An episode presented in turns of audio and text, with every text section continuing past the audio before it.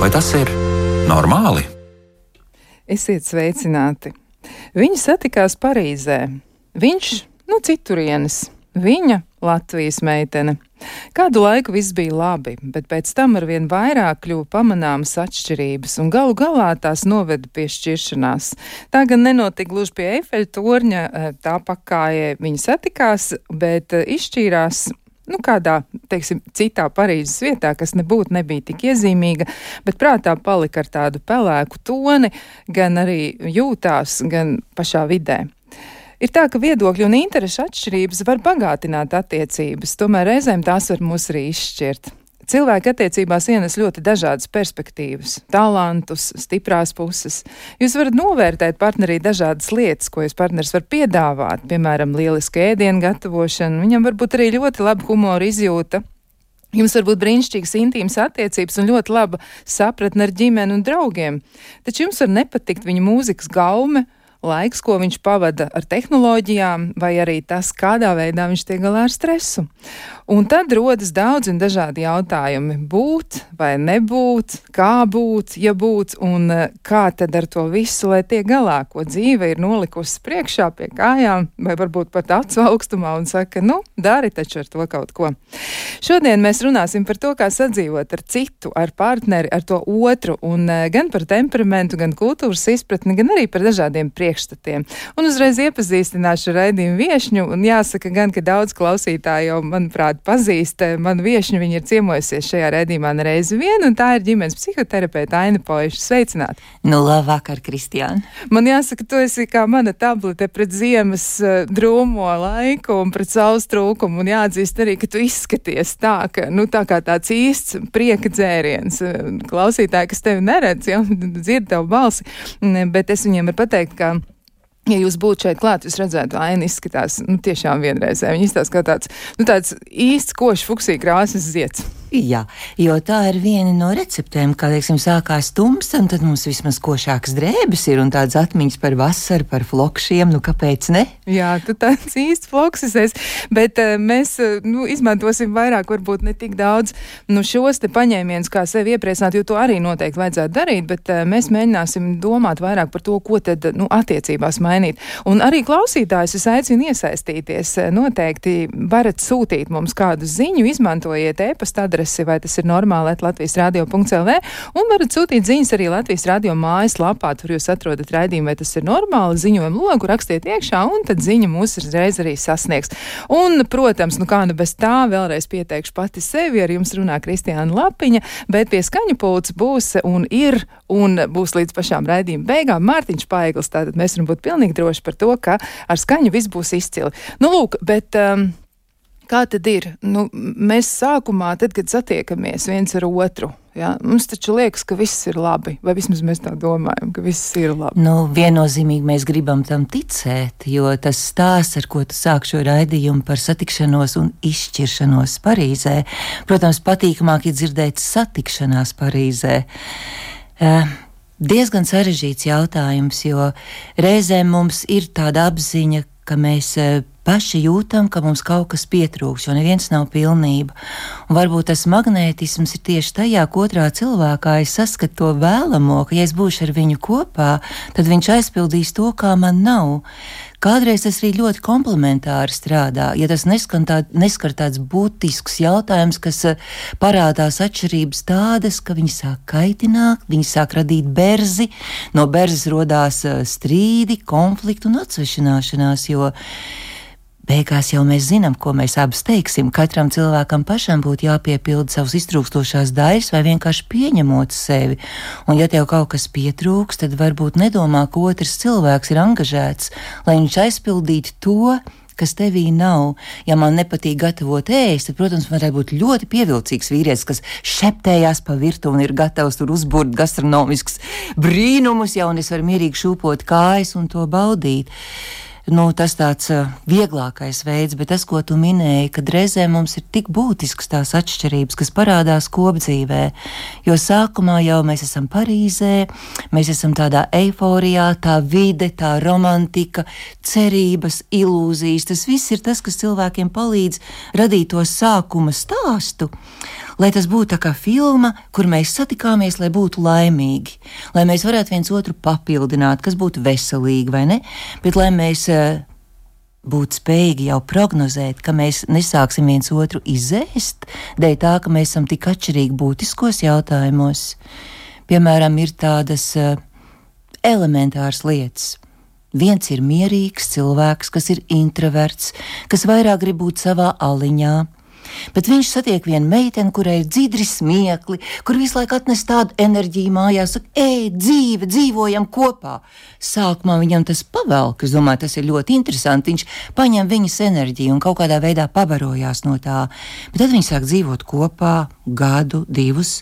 Viņš sāk atgriezties pats pie sevis un viņš sāk nogurt no tās aktivitātes. Viņš arvien vairāk saka, ai nē, ai nē, viņai ir piedāvājums viņš kļūst par atraidījumu. Jo jebkurās attiecībās ir piedāvājums, kas ietver arī atraidījumu, vai ne? Ja viņa piedāvā, kas viņai liekas pašsaprotams, bet viņam tas nav pašsaprotams, viņš to spēj dot tikai iemīlēšanās fāzē, kad nekas nav par grūtu priekš otru cilvēku. Tad mēs esam dodoši, tad mēs mīlestību saprotam tajā dabiskajā formā. Mīlestība ir došana nevis uh, sākt paģērēt, bet mīlestība jau nav tāds uh, konstants lielums, kas nemainās. Mums arī kaut kādā ir jāatgriežas pie sevis. Mēs nevaram būt tikai atkarīgās emocionālās attiecībās, kad es izdabāšu tevi un tu izdabāsi man. Tas liek uzupurēt kaut kādu būtisko savu daļu, kāda mēs esam patiesībā paši pie sevis. Ja viens ir mierīgs cilvēks, tad tā ir viņa būtība. Viņš var sev uzdāvināt kādu ekstraversu izgājienu, bet viņš nevar nemitīgi sev laust otram par prieku, nemitīgi. Un, man liekas, tas ir viens no tādiem, ko es esmu arī pamanījusi ar pāriem runājot, viens no tādiem krīzes momentiņiem.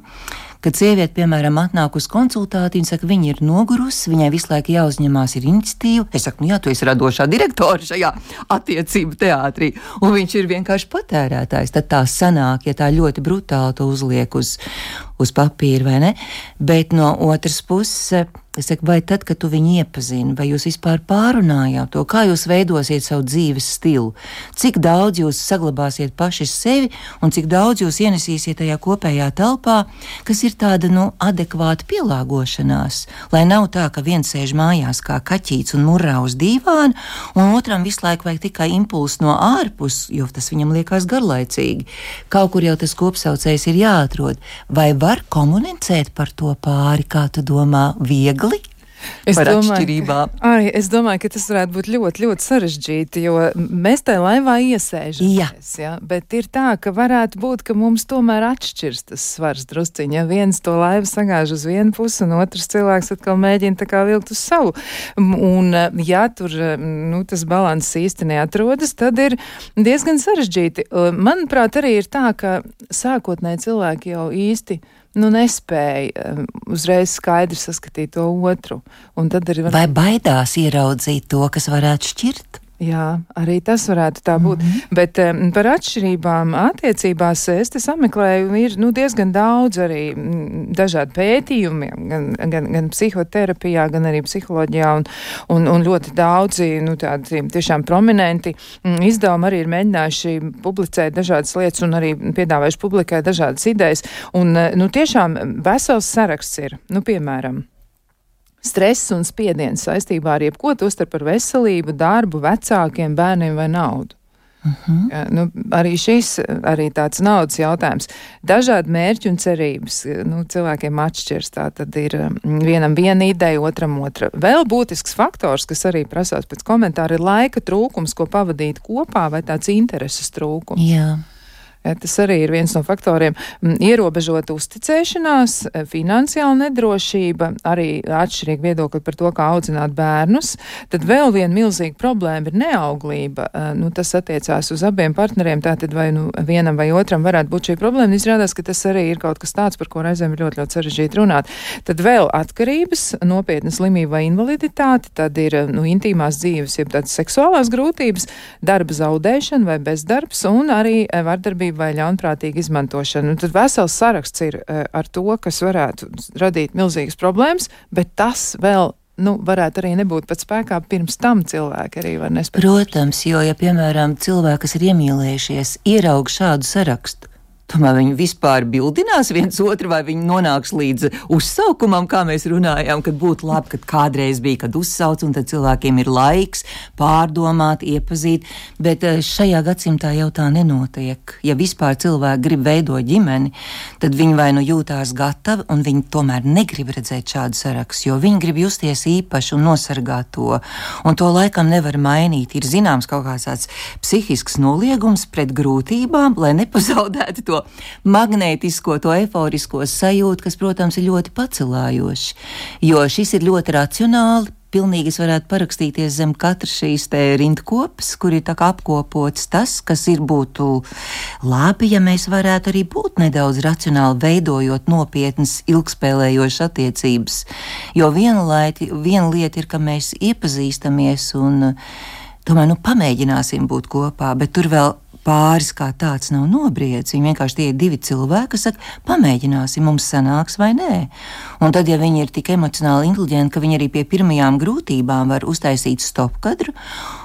Un tā kā sākt mācīties komunicēt par to, kā tu uz to skaties, kā es uz to skatos, vai tā ir cīņa, ka mēs parādām, ka mēs atšķirīgi skatāmies uz lietām, piemēram, kā viens pārdzīvo stresu, kas ir viens no šiem stūrakmeņiem, un kā otrs viens stresā mēdz sastingt un paliek pilnīgi rīcība nespējīgs. Viņš ir apjutis, viņam vajag laiku. Un otrs ir pilnīgi pretējs, jo tur arī temperaments bieži vien nosaka, viņam uzreiz vajag rīkoties un meklēt risinājumus un uz karstām oglēm nu, pieņemt kaut ko, lai ātrāk tas beidzās. Un līdz ar to tajā brīdī mēs redzam, parādās tajā kopējā telpā tā kā vakums, jo katrs stresa apstākļos nonāk primāri pie savām instinktīvajām pirmajām subjektīvajām izjūtām, vai ne? Un tur nav nekāda emocionāla atbalsta tajā brīdī. Ja būtu tā gudrība, ka, piemēram, mēs zinām, stress mums, mums izsit korķus, kad viņi tā kā apstājās, saka, tu pazīsti mani, kad es pie tāda stresa apstākļiem mēdzu sastingt. Tas neatiecās uz tevi, man vienkārši vajag pārkāpt pašai sev pāri, lai es atrodu gāzes pedālīti un aktivizēju savu spēju vispār aptvert situāciju ienāk ar tevi tajā kopējā telpā ar šādu apzināšanos un saka, bet dod man mazliet laika un padomāsim kopā, jo es zinu, ka tu esi daudz karstāk un tu gribi ātrāk risinājumu, bet varbūt paņemam mazliet laiku kopā. Man liekas, tas būtu tāds eh, modelējot šādu situāciju diezgan adekvāts risinājums, ka cilvēki tās atšķirības pieņem ar tādu labvēlības attieksmi, ka tas ir nevis tas, kas šķir, bet tas ir tas, ka mēs varam atšķirīgi skatīties uz lietām, un neviens nav zaudētājs. Ja viens piebremzē, otrs mazliet uzgāzē, tad tā mašīna var noturēties uz ceļa. Ja viens pārāk strauji gāzē, tā mašīna var noskriet no ceļa. Ja viens vienkārši palaiž rokas no stūris vaļā, arī mašīna var noskriet no ceļa nost. Tas vidējais, man liekas, tāds ar humoru, bet ar tādu līdzību varētu būt diezgan liederīgs instruments. Bet tas tiešām vienmēr neizdodas. Eh, ir tā, ka mm, cilvēki reizēm saka, jā, mums pārī tās attiecības veidojas tā, ka, piemēram, es visu laiku domāju, ko mēs darīsim brīvdienās, un tas otrs nedomā gandrīz nemaz. Jā. Vai arī tā varbūt reizēm ir ilūzija, bet tajā pašā laikā cilvēks saka, jā, pastāv šīs atšķirības, un tad viņi saka, nu cik tad es ilgi ar šo te? Uh mhm. -huh. Man bija viens tāds konkrēts gadījums. Tieši precīziem vārdiem. Sieviete saka, man vienai pašai jāplāno brīvdienas. Ir. Un tas viņas vīrs sēž blakus. Es saku, vai tiešām ir tā, ka tu nemaz par to nedomā? Nu, saki, kā ir godīgi. Viņš saka, es domāju. Es saku, bet kā lai uzmin, ko tu domā? Varbūt tu varētu mēģināt domāt skaļi, pie brokastīm, piemēram, nu, tā kā atcerēties, ka tas būtu solīts pretī, lai viņa vismaz zinātu, ka tu arī domā, bet tu varbūt esi gatavs to mīkliņu raudzēt, raudzēt, raudzēt un tad pasniegt, bet viņi ir plānotāji. To es varbūt, varbūt spontāns. Mīkliņš uzrūks, un es pasniegšu uzrūgušo mīkliņu, bet viņi jau būs paspējuši saplānot tās brīvdienas un būs vīlusies, kad es neesmu iesaistījies, piemēram. Un tad mēs mēģinām šādā veidā, tā, caur tādu radošo attieksmi, kur neviens nav vainīgs, lai katrs saglabā to savu patību, bet tajā komunikācijā, nu, ir kaut kāda atklātība par sevi tomēr jāiedod. Jo tiešām nevar uzminēt to, ko tu domā. Tev liekas, ka tu domā, ka tas skan, bet izrādās mikrofons nav ieslēgts un tas neskan. Jā, tā arī mēdz būt, bet šis ir ļoti labs ieteikums man šeit arī mēģināt izzināt, nu, kāds ir tas, eh, tas mehānisms, kā cilvēki pieņem lēmumus, jo tas tiešām var arī ļoti atšķirties. Un tam var būt arī pamats kaut kur vēl iepriekšējā dzīvē, par to mēs arī tuliņ parunāsim. Bet ir ļoti jauks kompliments uh, Ainai no klausītājiem, un uh, ir viens komentārs tāds prieks dzirdēt Ainu Poišu ar uzmundrinājumu, ko šo krāsu receptu rudens laikam. Nu, tā kā. Oi, paldies! klausītāji novērtē. Jā, un eh, vēl arī tāds komentārs, paldies par tematu. Attiecības ir svarīgas jebkurā vecumā, jo tas dod enerģētiku, dzīves prieku un pamat zem kājām. Būt laimīgam ir foršs sajūta, un vienots recepts nav. Nu, tas tiesa, eh, bet ja tomēr mēs mēģinām saprast, eh, ko tad īsti varētu darīt, nu, mēs tātad saprotam, ka izpētīt atšķirības ir ļoti, ļoti būtiski. Nu, arī par temperamentiem runājot, kā tur ir, jo tur arī ir tā, ka cilvēki, nu, tiešām ir, ir, nu, ir ugunīgi raksturi, mm -hmm. ir tādi cilvēki, kas ir daudz rimtāki ērtāki. Mm -hmm. Nu, tas man liekas, jau ieplūtajā mūsu iepriekšējā sarunas daļā par to, ka tie ir arī temperamenti, kas tās reakcijas nosaka. Un mēs to nevaram mainīt pēc būtības, bet piestrādāt. Man, piemēram, arī redz, tagad es sēžu pie tevis un man gribas ar rokām mētāties. Domāju, nu redzi, Paiša, tavs temperaments lec ārā. Nu, lec ārā. Tā kā īlēns no maisa. Bet kaut kādās nopietnākās situācijās, kur man vairāk ir jākoncentrējas, tagad es vienkārši jūtos ar tevi kopā ļoti atbrīvot. Jo es ticu, ka tu man pieņem tādu, kāda es esmu. Es ceru, ka es neko neapgāzīšu, neko nesalauzīšu. Bet situācijās, kur ir jākoncentrējas, es varu ar sevi sarunāt ar savu temperamentu. Un tā kā vai nu noskaitu līdz desmit, visbanālākais piemērs pareizi, nu vienkārši tā kā pavēroju situāciju, es ar sevi varu sarunāt to, ka drusciņi es varu ierobežot to savu temperamentu. Tāpat kā tā otra galība, es varu ar sevi sarunāt, nenokavē iespēju, nedomā tik ilgi, sāc darboties, varbūt pasaki jā, pasaki Kristiānai jā, ka viņa saka, vai tu negribi pie manis atnākt? Nevis sāk domāt un tur analizēt un tam līdzīgi. Divas nedēļas nedod atbildi, ja mans eksperts. Līdz ar to tu saproti man, es ticu, ka mēs varam koriģēt savu uzvedību, neliekot tik milzīgu akcentu uz to temperamentu. Tas ir dabiskais, kas ir forši, ka mēs esam vēsāki un karstāki cilvēki. Karstākiem vienmēr būs tāda radiatora īpašība, ka viņi uzsildīs tos, kas ir vēsāki, vēsāk vēl tieksies pie tiem, kas ir siltāki un gribēs sasildīties. Un man liekas, tad abas puses ir ieguvēji, ja tas neaiziet pāri attiecībās, kas tiek jau eksploatēts. Tas, par ko mēs runājam, līdz ko sākās kaut kāda eksploatācija. Jo arī karstums ir pārējošs, viņš arī grib tā kā atvēsināties, vai ne? Jā, tas tiesa, e, bet vēl ir viens tāds diezgan plašs lauks, par ko runāt, un tās ir kultūras atšķirības, jo tur arī varētu būt ļoti daudz nu, tādu nu, nu, tādas nesaprašanās. Ja, par mhm. to ir kaut kāds kultūras fonds vai ir sociālais fonds. Mēs esam katri auguši noteiktos apstākļos. Mums ir mūsu izcelsmes ģimene. Un tas nozīmē tomēr diezgan lielu ietekmi. Nu, kā ar to? Jo var tā būt, nu, nu vīra māte jaunajai sievai saka, nu, es tās, tās maizītes taisu tikai šādi un nesavādāk, ja, un tas grēklis Jā. tā jākarina, un viņai pievienojas, ja dēls, un viņi abi divi ir tā kā pret šo jauno sievieti, un viņi nevar, nevar to tā akceptēt, jo viņai ir savu ideju par to, kā to lietot. Jā, protams, jo tad man liekas ir divas daļas eh, šajā tēmā, kad ir ģimenes attiecību kultūra, kas nāk līdz mums no tā, ko mēs esam piedzīvojuši no saviem vecākiem. Plus ir kultūra atšķirība, ja mēs esam kopā ar cilvēku, kas vispār ir audzis citā vidē.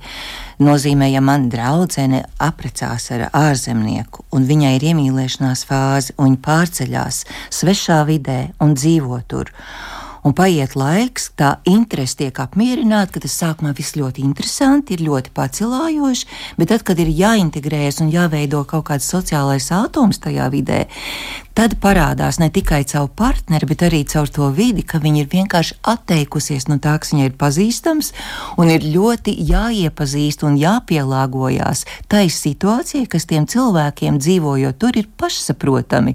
Kā viņi viesībās uzvedās, kā viņi viens otru apsveic, kā viņi vispār uzvedās tad, kad ir kaut kādas nesaprašanās. Tas ir tik traki ir rets gadījums. Es zinu arī ļoti pozitīvs gadījums, bet es zinu arī ļoti sāpīgs gadījums, ka tieši šīs kultūra atšķirības, tāpēc, ka tu pārcelies uz citu valsti un tev nav pieejami tavi draugi, tavi radinieki, tu jūties viens un tev ir piespiedu kārtā tā kā jāklauvē pie tām durvīm, jo tu negribi palikt ārpusē, vai ne? Tu gribi tikt pieņemti tajā, un ir kaut kādi uzskati, tādi priekšstati, kas arī bija viens no, no šiem svarīgajiem punktiem. Jā. Ka tie priekšstati ir arī tādi, kas reizēm ir tik lieli aizspriedumi un pietrūkst tādas elastības un pretimnākšanas, ka ir sistēmas kultūrā, kas ir noslēgtāks, un ir sistēmas dažādās kultūrās, kurā valstī mēs esam, ir atvērtāks. Bet jebkurā gadījumā tā ir viena no grūtībām, ar ko ir jāsaskarās. Un mēs jau neviens nevaram teikt, padomā, pirms tu pieņem tik radikālu lēmumu, jo iemīlēšanās un kaut kāda kopīgā perspektīva tajā brīdī ir kaut kas brīnišķīgs, bet uh, Tālāk tev būtu jābūt gatavai prognozēt, vai nu tev pašai ļoti jāveido kaut kāda sava kopa, sava cilts sajūta regulāri, lai tu jūti tā, ka tu tiec piepildīt ar cilvēkiem, kas tev saprot no pusvārda. Viena jauna sieviete teica, es laikam nevarēšu teikt jā savam mīļotajam, jo viņš nekad nesapratīs, ko man nozīmē līgo svētki. Nu, tāds viens teikums man ir tā ietetuvējies, kad viņai tas asociējās, kad viņš bija bijis šeit. Viņam tā kā liekas, tas ir interesanti, tas ir eksotiski, bet viņam sirds uz to nepukst. Jā, tās atšķirības tiešām ir ļoti būtiskas un uh, var arī būt uz otru pusi, ka arī mums ir kaut ko ļoti, ļoti grūti pieņemt. E, vai mhm. varētu būt arī vēl tāda, nu, saikne, manuprāt, viņi ir, varbūt arī tu viņi var ilustrēt par to, nu, kā cilvēki izprot savas lomas, jā, jo tad, kad mēs veidojam attiecības, mēs arī esam varbūt vīrieši, sievietes, jā, mēs esam, nu, cilvēki, kas tur satiekas, mēs esam darbinieki, mātes, meitas, dēli, nezinu, krustēvi, viss kaut kas. Kā ir ar šo lomu izpratni attiecībās, jo arī tu tur noteikti kultūrai un tādai pieredzē, kas ir pirms tam bijusi aktuāli, ir ļoti svarīga nozīme. Jā, protams, tur ir kultūra vide, tur ir arī reliģiskā pārliecība, tur ir ieraduma pārliecība un tam līdzīgi. Bet tas ir tāds globāls jautājums, ko reizēm ir svarīgi varbūt arī pārunāt eh, pirms kāzām, ko es kā sieviete sagaidu no vīrieša, ja es ar viņu esmu gatava doties kopīgā ceļojumā tālu un ilgi, un, un pretējā puse, ko vīrietis sagaida no sievietes. Un tad, piemēram, ja uzraksta katrs nevis runā, bet vispirms noformulē priekš sevis, kādas ir tās gaidas, jeb cerības. Un tad saliek kopā un skatās, kur sakrīt un kur nesakrīt. Tur, kur sakrīt, tad mēs varam to stiprināt un teikt, tātad šeit jums nav domstarpība, šeit jūsu vērtību sistēma sintēzējās un veidojas kaut kāds kopīgs kodols jūsu attiecībām. Bet tur, kur nesakrīt, ir vērts diskutēt par to, ko tieši, ko tieši precīzāk pasaki man, ko tu no manis sagaidi, un kā tas izskatās praksē, piemēram, uzbūr man bildi. Un tad mēs varam tikai domāt par to, cik es esmu gatava tev iedot, Un cik es saku, nu, diemžēl simtprocentīgi es nevaru visas tavas gaidas apmierināt. Mums ir druskuļi tā kā jāpatirgojas ar šīm atšķirībām, kas parādās tajā pāri perspektīvā, kur jau ir jūtamas grūtības. Jo kamēr nav konflikta un stresa, tas viss vēl ir normāli. Bet, kā mēs zinām, dzīve mūs nežēlo. Mums nāk kaut kāda pārbaudījuma no malas, kas izsit atkal to ierasto rutīnas daļu, un tieši tajos brīžos tās atšķirības nostrādā viskaitnieciskāk. Vai tajā brīdī mēs varam palikt kopā, vai mēs varam mazliet atzīt, lai nepalik, nepadarītu to situāciju vēl sarežģītāku, un pēc tam nāk kopā un pārnāt, kas tas bija, kāds bija tavs reakcijas, vai tu apzinājies tos cēloņus, kas tev izsauc tādu reaģēšanu, kas man nobiedēja, piemēram. Es nekad neko tādu nebiju redzējusi. Un, ja es nobīstos no tuva cilvēka, ar kuru es esmu cerējis, ka man vismaz nevajadzēs baidīties, jo man ir svarīgi uzticēties, bet, ja es baidos, es nevaru uzticēties. Un tas jau ir tā kā mazs iecirtiens nu, tajās attiecībās, kas saka, ko mēs ar to darīsim. Vai tu man palīdzēsi nebaidīties? Jā, bet uh, vēl viens jautājums arī, ko darīt, ja ir sajūta, ka nebūs? Nu, tad pārim ja, ir, ir, ir kaut kādi izaicinājumi un ir sajūta, ka nebūs. Mēģināt un vēlreiz mēģināt, vai tomēr teikt nē un ejam katrs savu ceļu. Ah, smags jautājums. Jo, kā mēs zinām, Tas ir tāds privāts lēmums, kas attiecās uz diviem cilvēkiem, bet reizēm viņi ir tik ļoti pārņemti viens ar otru, ka viņi arī negrib dzirdēt neko no malas, bet no malas, ka tu esi neitrālāks, un tu arī mazliet jūti, ka viņi iekšēji domā, šaubās ļoti, būs vai nebūs. Bet tās šaubas mēs mēdzam aizslaucīt ar slotu prom, jo viņas liek mocīties tajās šaubās, jo ļoti gribas to projektu īstenot. Jo tu esi projekta sākumā, ļoti gribas viņu īstenot.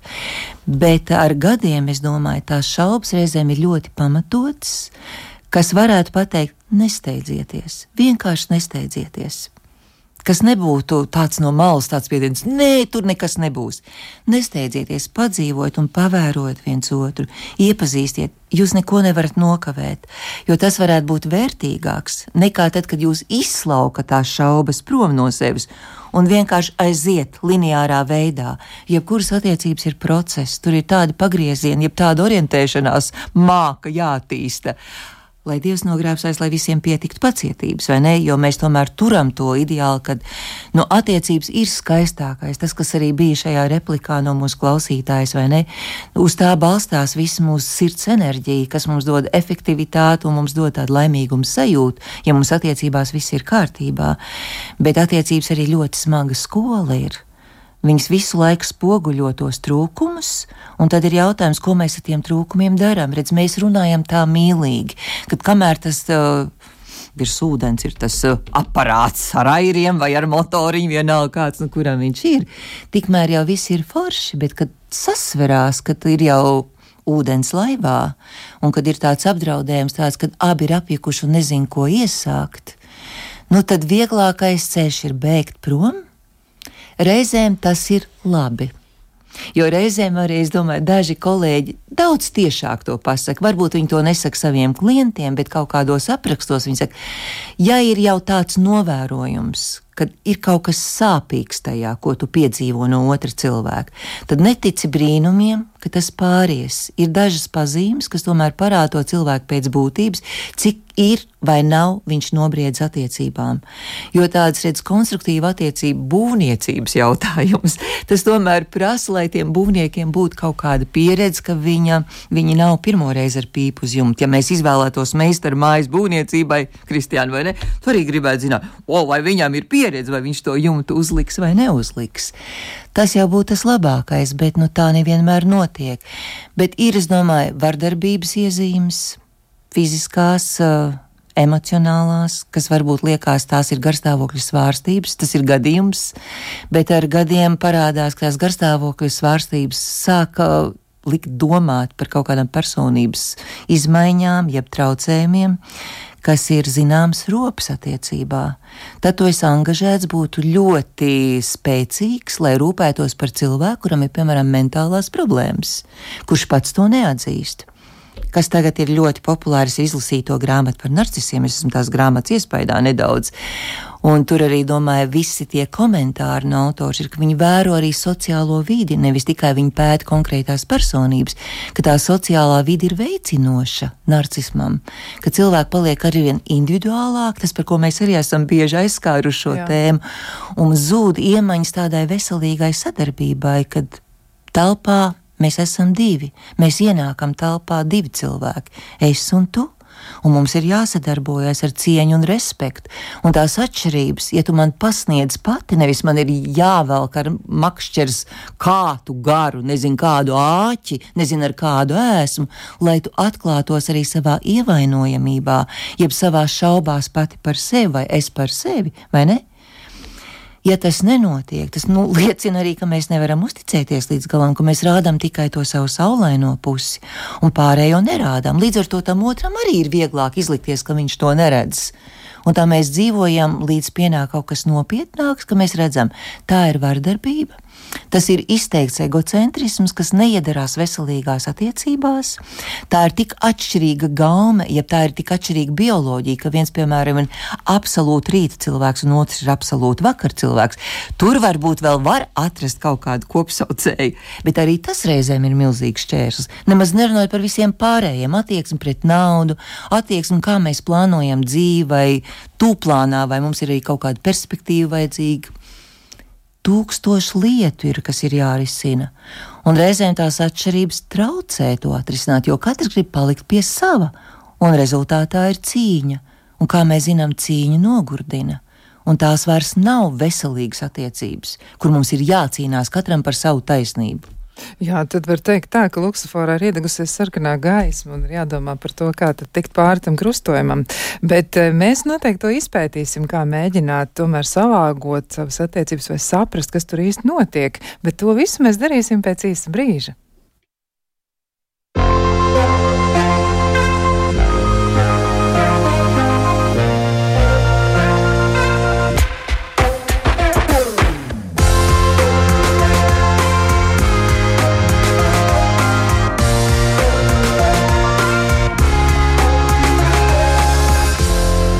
Vai tas ir normāli?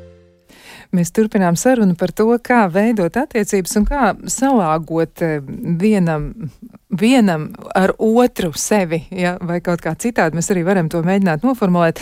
Nu, citiem vārdiem mēs mēģinām saprast, cik ļoti liela nozīme ir atšķirībām attiecībās un atšķirībām viedokļos, stereotipos, priekšstatos, arī varbūt eh, kultūras fonā un arī daudzām citām lietām varētu izrādīties milzīga nozīme, jo attiecības tomēr ir ļoti sarežģīta lieta. Un uh, nav viss tik vienkārši. Mēs uh, esam, nu, katrs var teikt, atsevišķi pasauli, un šīs divas dažādās pasaules, nu, reizēm nemaz tik viegli kopā nevar sadzīvot sadzīvot.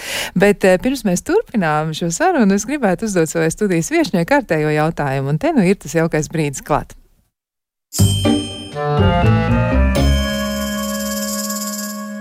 Nu, tad izvēlies viens, divi vai trīs. Trīs. Trīs.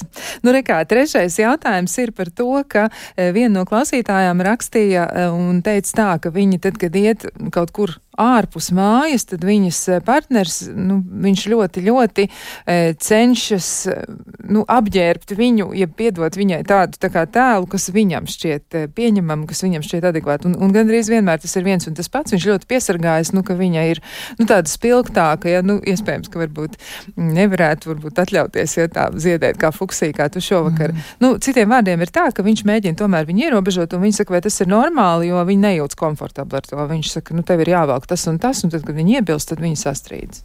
Mm. Nu, tas man atgādina to, ka reizēm pāri ir, kad viens grib būt uz skatuves, un viņam ir vajadzīga pavadošā grupa. Aha. Jo uz pelēka fona ir vieglāk izcelties. Un reizēm tas ir ļoti ierobežojoši priekš sievietes, jo viņa grib justies kā personība, brīva, var varbūt pārunāt kontekstu, uz kādu pasākumu mēs ejam, kas liktos vispiemērotākais, bet nevis tā kā tētis meitai saka, nē, uz bērndārstu pidžamā neiesi no sērijas. Jā, nu tad eh, atbildot uz jautājumu, vai tas ir normāli, nu liekas, tas nav normāli, nav. jo ja ir diskomforts, tā ir pirmā arkāla sarkanā lampiņa, kad man ierobežo, un veselīgas attiecības nav domāts, lai ierobežotu, bet lai saskaņotos. Un man liekas, vienmēr ir simpātiski skatīties uz pāri, kas abi var atļauties būt spilgti, vai abiem ir kopīga gaume, kuriem patīk nebūt spilgtiem. Bet, ja viņiem ir kaut kāda konkurence, kas nav veselīgi atrunāta, varbūt ir sieviete, kurai tas nav diskomforts, ka viņa labprāt lepojas, ka viņas vīrs ir spožs, un viņi ir tiešām labprātīgi pieņēmuši šo pavadošā sastāva lomu. Bet vai tas ir veselīgi? Es domāju, mēs dzīvojam vienreiz, mēs gribam realizēt sevi, vai ne? Mēs gribam piedzīvot to, ka mēs esam. Un, ja mēs esam, tad mēs arī savu vizuālo tēlu, jeb fasādi, tā teikt, uzkužinam. Mēs varam būt košāki, lai sagādātu sev patīkamu pārdzīvojumu, ka tas atšķirās no ikdienas, ka mēs arī kopā priecājamies par to, ka mēs izejam no mājas, mēs ejam kaut ko kopā piedzīvot, un mēs abi esam pelnījuši, ka tā mums ir svētku sajūta. Bet ja man jau iepriekš ierobežo šo svētku sajūtu, cik stāvi mazā pie ratiem, es zinu, kā labāk, tad tās ir nelīdzsvarotas attiecības. Kāds ir augšā un kāds ir apakšā. Es jūtu līdz tai sievietei un viņu atbalstu, rūpēties par to, ka viņai nav jāsadzīvo ar šādu diskomfortu, ka tas jautājums tomēr ir jārisina. Jā, tā izklausās, ka tas noteikti būtu jādara. Mēs arī ceram, ka viņi šobrīd šo atbildi dzird. Paldies tev par to, un uh, cerams arī, ka mums izdevās viņu uzmundrināt. Bet atgriežoties pie mūsu temata, nu, vēl tāds jautājums arī ir piemēram, tajos gadījumos, ka tomēr katrs cilvēks aiziet uz savu pusi, ja, un tad viņi nu, ir nonākuši pie slēdziena, ka viņiem ir jāiet eh, katram savā virzienā. Kā tad uh, rīkoties ar to, un kas būtu tas ieteicamākais veids? Un, protams, arī mēs nevaram dot vienot recepti, bet tomēr arī šāds ir jautājums. Um, vai ir svarīgi izšķiroties saglabāt normāls un cieņpilns attiecības, un kā to vispār saprast, ko varētu nozīmēt cieņpilns attiecības, jo arī tur ir atšķirīgi viedokļi. Ir cilvēki, kas saka, nu visas tagad izravēšu viņu no sociālajiem tīkliem tīkliem, viss ir nobloķēts, visas vairs ar šo cilvēku nesazināšos. Un otrs savukārt saka, nu nē, nu tā bija mana pieredze, es ar to cilvēku biju kādu laiku kopā un es no tā kaut ko ieguvu, kaut ko iemācījos. Mm -hmm. nu, šis otrs variants katrā gadījumā ir daudz tuvāk cieņpilnai attieksmei arī tad, kad cilvēki iet katrs uz savu pusi. Jo tad, kad nākas satikties ar tādu pāri, kas ir izvēles priekšā. Tad es domāju, šī ir tēma, kā jūs dzīvosiet pēc tam. Nevis tikai, ka jūs vai šķirsieties pie notāra vai tiesas zālē, bet kā jūs dzīvosiet pēc tam. Es domāju, sevišķi, ir bērni. Un es domāju, bērnu dēļ tā arī tāda laba pociņa, uz ko ir vērts uzspiest. Bērniem ir svarīgi nepazaudēt nevienu. Kad viņi var redzēt un dzirdēt, ka tēvs un mamma viņi nedzīvo kopā, bet viņi ir saglabājuši tādu pateicību, ka viņi kopā ir radījuši bērnus, ka viņiem kopīgi radīta vēsture un ka viņi nepārkāpj kaut kādu sarkano līniju un pārstājuši ir analizēt, tu man to, es tev šito, visu laiku purinātos vecos palagus. Saprotams tā, jo man liekas, tas otrs variants ir tas, ka cilvēki vienkārši netiek galā ar dusmām, ar kaut kādu milzīgu aizvainojumu, kad joprojām tā cīņa turpinās, kaut gan visi rādītāji ir, ka mēs gribam pārtraukt to cīņu, mums abiem būtu vieglāk, bet to vēl neredz, tas ir kaut kur perspektīvā, redz tikai šo milzīgo stresu, ko sagādā jautājums šķiršanās. Un tas ir tas tūredzīgums, kas tajā brīdī iefiksē to stāvokli, kad cieņai it kā tur nav vietas tad, ja paņem cilvēku palīdzību no malas, vai tā ir mediācija, vai tā ir psihoterapija, vienalga ir kāds trešais, kas stabilizē, kas var noturēt tās karstās emocijas un mazliet viņas iesaiņot, lai atgrieztos pie tā prātīguma, kad, ja tas ir jūsu lēmums, tad tas ir prātīgs lēmums. Tas nav kaut kāds pēkšņs uzplaiksnījums, vai ne? Tad saglabāsim to cieņu ar pateicību, ka tu esi bijis manā dzīvēm es no tevis esmu iemācījusies arī caur mūsu grūtībām to, to un to, un mēs varam palikt tuvi cilvēku visu mūžu. Ne tādā parastajā izpratnē kā tu, bet mēs esam daudz attīstītāki savā personībā, ja mēs varam pieņemt šo variantu kā cieņpilnu šķiršanās.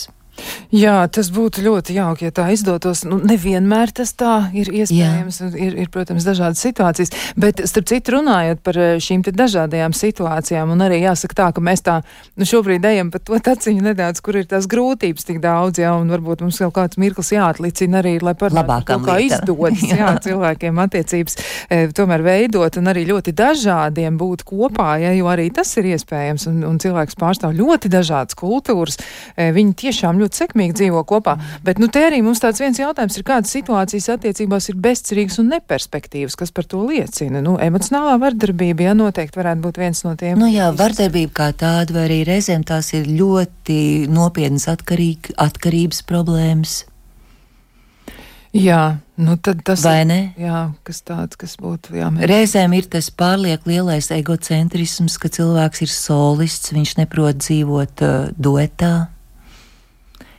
Nu, tad mēs mazliet runājam par to ģērbšanos, kas varbūt ir nu, tāds ne tas smagākais variants, bet es domāju, tas smagākais variants ir tāds, ka vispār neiespējama ir komunikācija. Kad runā viens un otram ir tikai jāklausās. Un kaut gan katram būtu tiesība vai neizjust to savu brīvību, vai ne? Kad mēs visi kaut ko redzam, dzirdam, sajūtam, un lai justos mīlēts un pieņemts. Es domāju, šitie visvienkāršākie reizrēķini, kas būtu jāzina, ka mēs tā kā viens uz otru skatāmies un redzam, nevis pavirši paskatāmies un izdarām savus secinājumus, nejūtot, ka tas otrs cilvēks tiek nospiests. Jo ļoti bieži pēc šķiršanās, es domāju, mēs abi esam to piedzīvojuši, ka cilvēki tas ir tāds atvieglojums, es elpoju.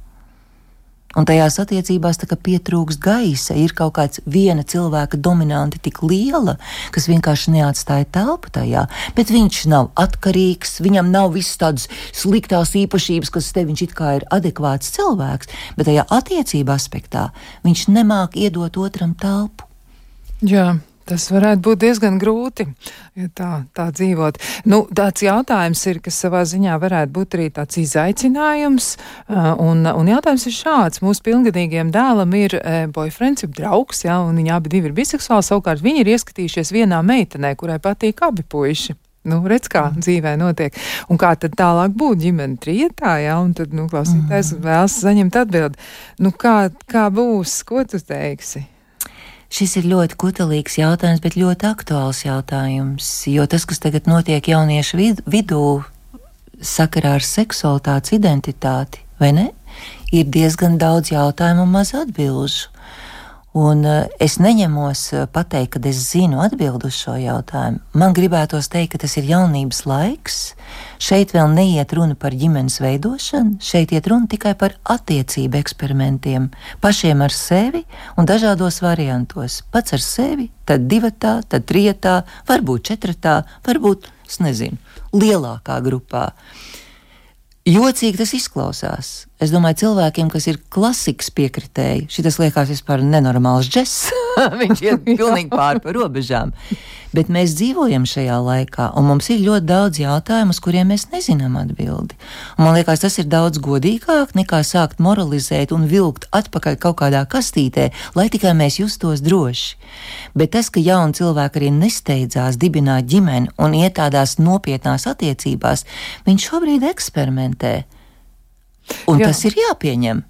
Jā, tas noteikti varētu būt tiesa, nu, laiks rādīs, un uh, varbūt jāļauj uzti, nu, jāuzticās, ja jāļauj pašiem piedzīvot uh, dzīvi kā tādu. Vēl arī es atceros vienu no saviem kolēģiem, arī studijas viesiem un ārkārtīgi brīnišķīgu cilvēku, pie, pieminot kā, kā eksperti tiešām psihiatrs un arī medicīnas doktors Arturs Utīnēns cilvēki izteicās par, par attiecībām, jo viņš teica, ka, nu, cilvēki vispār ir tendēti būt tādi privāti īpašnieciski, ja viņi tā, nu, tā nav tā ļoti gatavi gatavi dalīties. Nu, kā, kas to lai zina, laiks rādīs. Bet uh, vēl ir viens jautājums, kā palīdzēt sievietē, kura ilgstoši ir viena, viņas līgas depresijā, jo nevar izveidot attiecības ar tiem vīriešiem, kur viņai patīk. Nu, tā tad, acīm redzot, ir. Nu, kaut kādi tādi diezgan būtiski iemesli. Nedrošība pat par sevi depresija kā, nu, kā problēma arī ir. Jā, jā, jo parasti tas sākās ar sevis pieņemšanu, uh, ar piedomāšanas pie tā, ka tas, ka tu esi viena,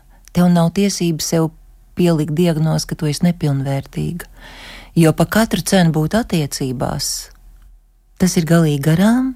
Man liekas, ka labāk ir būt attiecībās ar sevi un justies komfortabli, nekā attiecībās tikai tāpēc, lai būtu attiecības.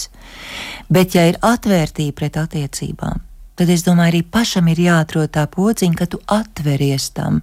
Tas nozīmē, ka, ja tu pieņem sevi un kļūsti drošāk un pārliecinātāk, un ka tu arī uzņemies iniciatīvu un kaut ko dari attiecību vārdā, bez izmisuma, bet vienkārši tuvojies vīriešu pasaulē, izrādi interesi, trenējies komunicēt neprovocējot, bet vienkārši tā kā droši ar pārliecību. Es esmu sieviete, un es esmu interesēta attiecībās, un es zinu pat kādās. Ja var noformulēt, kādu vīrieti es gribu satikt, tas jau ir daudz.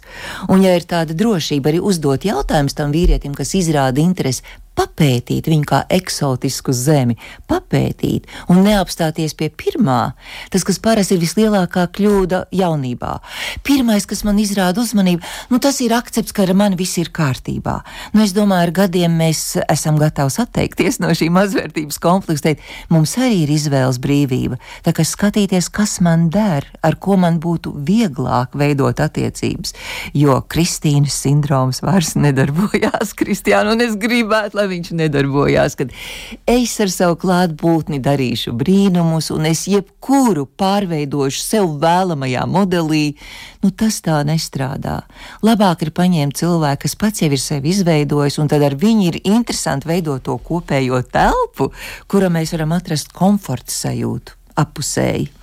Jā, varbūt tas varētu būt arī par to labo praksi, ja mēs tā vispār varētu apzīmēt. Ja? Tad kā to sākt šo procesu? Jo mēs tiešām, tad, kad nu, veidojam pirmās attiecības, mēs esam diezgan nepieredzējuši. Tā nu tas ir.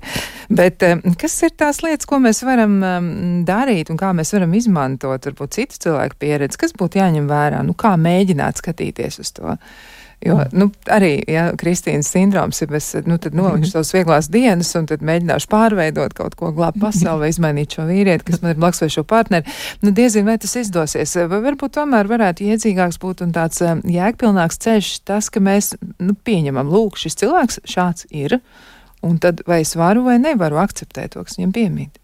Jā, protams, jo ir kaut kas, kas mainās arī ar laiku. Ja cilvēki ir ieinteresēti, kad viņi nav sasirguši ar lielumāniju, es tāds esmu un punkts, vai es tāda esmu un punkts. Nemainīšos nekad. Es nemainīšos. To es vēl izlasu dažādās psiholoģijas grāmatās, ka tu pēc būtības tāds esi, un ka tā otrā daļa, par ko mēs runājam, ka attiecības ir dzīves skola. Ka, ja tu gribi attiecības, tev kaut kas ir jāiegulda tajā bankā, un ieguldīšana ir savas uzvedības korģēšana un otra cilvēka respektēšana. Kad viņam drīkst būt kaut kādi trūkumi, viņš nav ideāls. Jautājums, vai viņš pats ar tiem trūkumiem apzināti ir gatavs kaut ko darīt, Ja es saku, es tev lūdzu, vai šis man besīja ārā, es tev ļoti lūdzu, vai tu varētu piedomāt pie tā, ka tu, piemēram, negriez krānu līdz galam vaļā. ļoti sadzīvisks piemērs ienāca prātā. Jā. Nu, un daudzas citas lietas. Tā. Man ir viens brīnišķīgs piemērs par draugu, kas dzīvo Amerikā ar amerikāņu, tas ir tas pozitīvais piemērs. Piemēram, viņi komunicē tā. Viņa redz, ka viņai sāk kaut kas krist uz nerviem, un viņa iet viņam saka, Dārgais, varbūt tev nepatiks tas, ko es tev saku, bet es tomēr atļaušos tev pateikt. Vai tu varētu, tad, kad tu iedzen naglu sienā un tur sabirst kaļķi, vai tu varētu paskatīties arī uz grīdas un saslaucīt tos kaļķus? Es būtu vienkārši laimīga par to. Viņš saka, labi, ka tu man to saki, jo man kā vīrietim ir tikai koncentrācija uz to, ka man ir āmurs vai urbis, un es mērķiecīgi daru šo vienu funkciju. Viņa kā sieviete redz plašāk, viņa redz funkciju, un viņa redz savu funkciju, ko viņa tajā brīdī negrib uzņemties. Viņa saka, nu, ja tu sāc mīļais, nu tad noved līdz galam. Un viņš neapvainojās. Viņa man saka, viņš saka, cik labi, ka tu man to saki. Man liekas, tas ir tāds labs piemērs, ka mēs varam komunicēt, mēs otram cilvēkam uzdāvinām savas acis, nevis kritizē viņu par to, ka viņš to neredz. Kā tu vari neredzēt? Tas, kas varbūt pirmais nāk ārā, vai tu nevari sevis novākt, kas ir jau pārmetums un kritika. Bet tāda pieeja, bet tam ir jābūt ar labu pamatu, lai vispār varētu šādu komunikāciju veidot, vai ne? Un mēs jau par to pamatu pa brīdim runājam, nu, kā viņu sastutēt, kā viņu sastutēt un kā viņu nostiprināt. Lai šādā veidā atšķirības nevis ir šķirošas, bet tādas, ka mēs viens otru bagātinam. Jā, droši vien arī pirms tam ir vērts izrunāt par to, kā cilvēki uh, uztver šādas te frāzes, ja, vai, vai kā viņi pret to izturas, jo var gadīties arī tā, ka kāds ir ļoti kritizēts, ja, tad, kad viņš ir bijis bērns vai pusaudzis vai jauns cilvēks, jā. un tad var gadīties arī, jā, ka tāda it kā ļoti nevainīga piezīme, tāds lūgums izklausās pēc raķetušai gaisā. Jā, jā, pēc kritikas mm, un mm. tādas nievāšanas. Um, kas vēl būtu tas, ko tu ieteiktu cilvēkiem, kuri ir aizēs par to, ka viņi tomēr ir diezgan atšķirīgi un arī, nu, citreiz tie ceļi tiešām aiziet kopā, ja, un viņi jā. spēj viens ar otru ļoti labi tomēr saprasties, un kaut arī viņi ir atšķirīgi, ja viens tur ir tas ķirsis, otrs tā ābeli, ja, bet, nu, neko aug blakus un viss labi. Jā. Bet eh, citreiz tā nenotiek. Tad eh, kas būtu tavi ieteikumi, ko tu ieteikti cilvēkiem darīt, varbūt sākot attiecības, un arī jau tad, kad tas tiešām notiek, un viņi, nu, atrod, jā, uh -huh. ir, ir, ir tas tās atšķirības? No divas lietas man nāk prātā. Pirmā, ja tā ir ģimenes fāze, tad vissvarīgākais ir vecāku lomā nostiprināt konsekvences. Ir jāizstrīdās par to, kā mēs skatīsimies uz saviem bērniem, jo bērniem ir svarīgi, ka vecāki ir vienoti. Pārējās lietas, kas skar viņu personības, kur viņiem ir tiesības būt autonomiem, arī ir iespējama vienošanās, ka mēs nelauzīsim viens otru. Bet mēs esam skaidrībā, ka mums varbūt kopējā telpa nav tik plaša kvadratūras ziņā, bet mēs aprūpējam savu so kopējo telpu, bet mēs drīkstam būt autonomi un realizēt savas vajadzības tā, kā mēs uzskatām par pareizi, kas neapdraud mūsu kopējo telpu. Un tā ir normāla arī sadzīvošana, jo citreiz man liekas, tas ir pārprasts. Ja mēs esam pāris, tad mums ir vienādi jāskatās uz lietām, mums ir jābūt vienādai muzikālai gaumei, vai ja sports, tad mums abiem ir jāfanot pa sportu, vai abiem ir jābūt mākslā līdz ausīm iekšā. Tas nav vienmēr obligāti. Es domāju, ka to var šādā veidā atrisināt, ka mēs tā kā sadalām vienkārši. Mums ir kopējā telpa, un mums ir atsevišķā telpa. Jā, tā arī iesakām darīt klausītājiem, un eh, noteikti jums jau arī ir sava pieredze, un eh, ja nu kādreiz sanāk mazliet vairāk laika, dalieties ar to arī tad, ja jūs atsūtīsiet kādu ziņu, ja tad, kad raidījums jau būs izskanējis, tas nekas, mēs to saņemsim un ar lielāko prieku arī to gaidīsim. Un, eh, ja jums gribas noklausīties vēl kādu iepriekšējo raidījumu, izmantojiet Latvijas Rādio viens arhīvu iespējas, tur jūs atradīsiet ļoti daudz dažādas temats, un arī mēs ar Ainu esam runājuši arī par citām lietām. Arī tas jūs varbūt ieinteresē interesēs. Lai jums pašiem izdodas atrast savu košo krāsu, sameklējiet vai nu savu fuksiju, vai kaut ko zaļu, vai ko citu, vai varbūt košu dzeltenu, lai tā ziema atkāpjas maz drusciņ tālāk un gaismas ir mazliet vairāk. Teikšu paldies Ainai Poišai, ģimenes psihoterapeitē par kārtējo vizīti šajā studijā. Man tiešām liels prieks bija tevi satikt, un es ar lielu prieku runāju ar tevi katru reizi, kad tu esi klāt.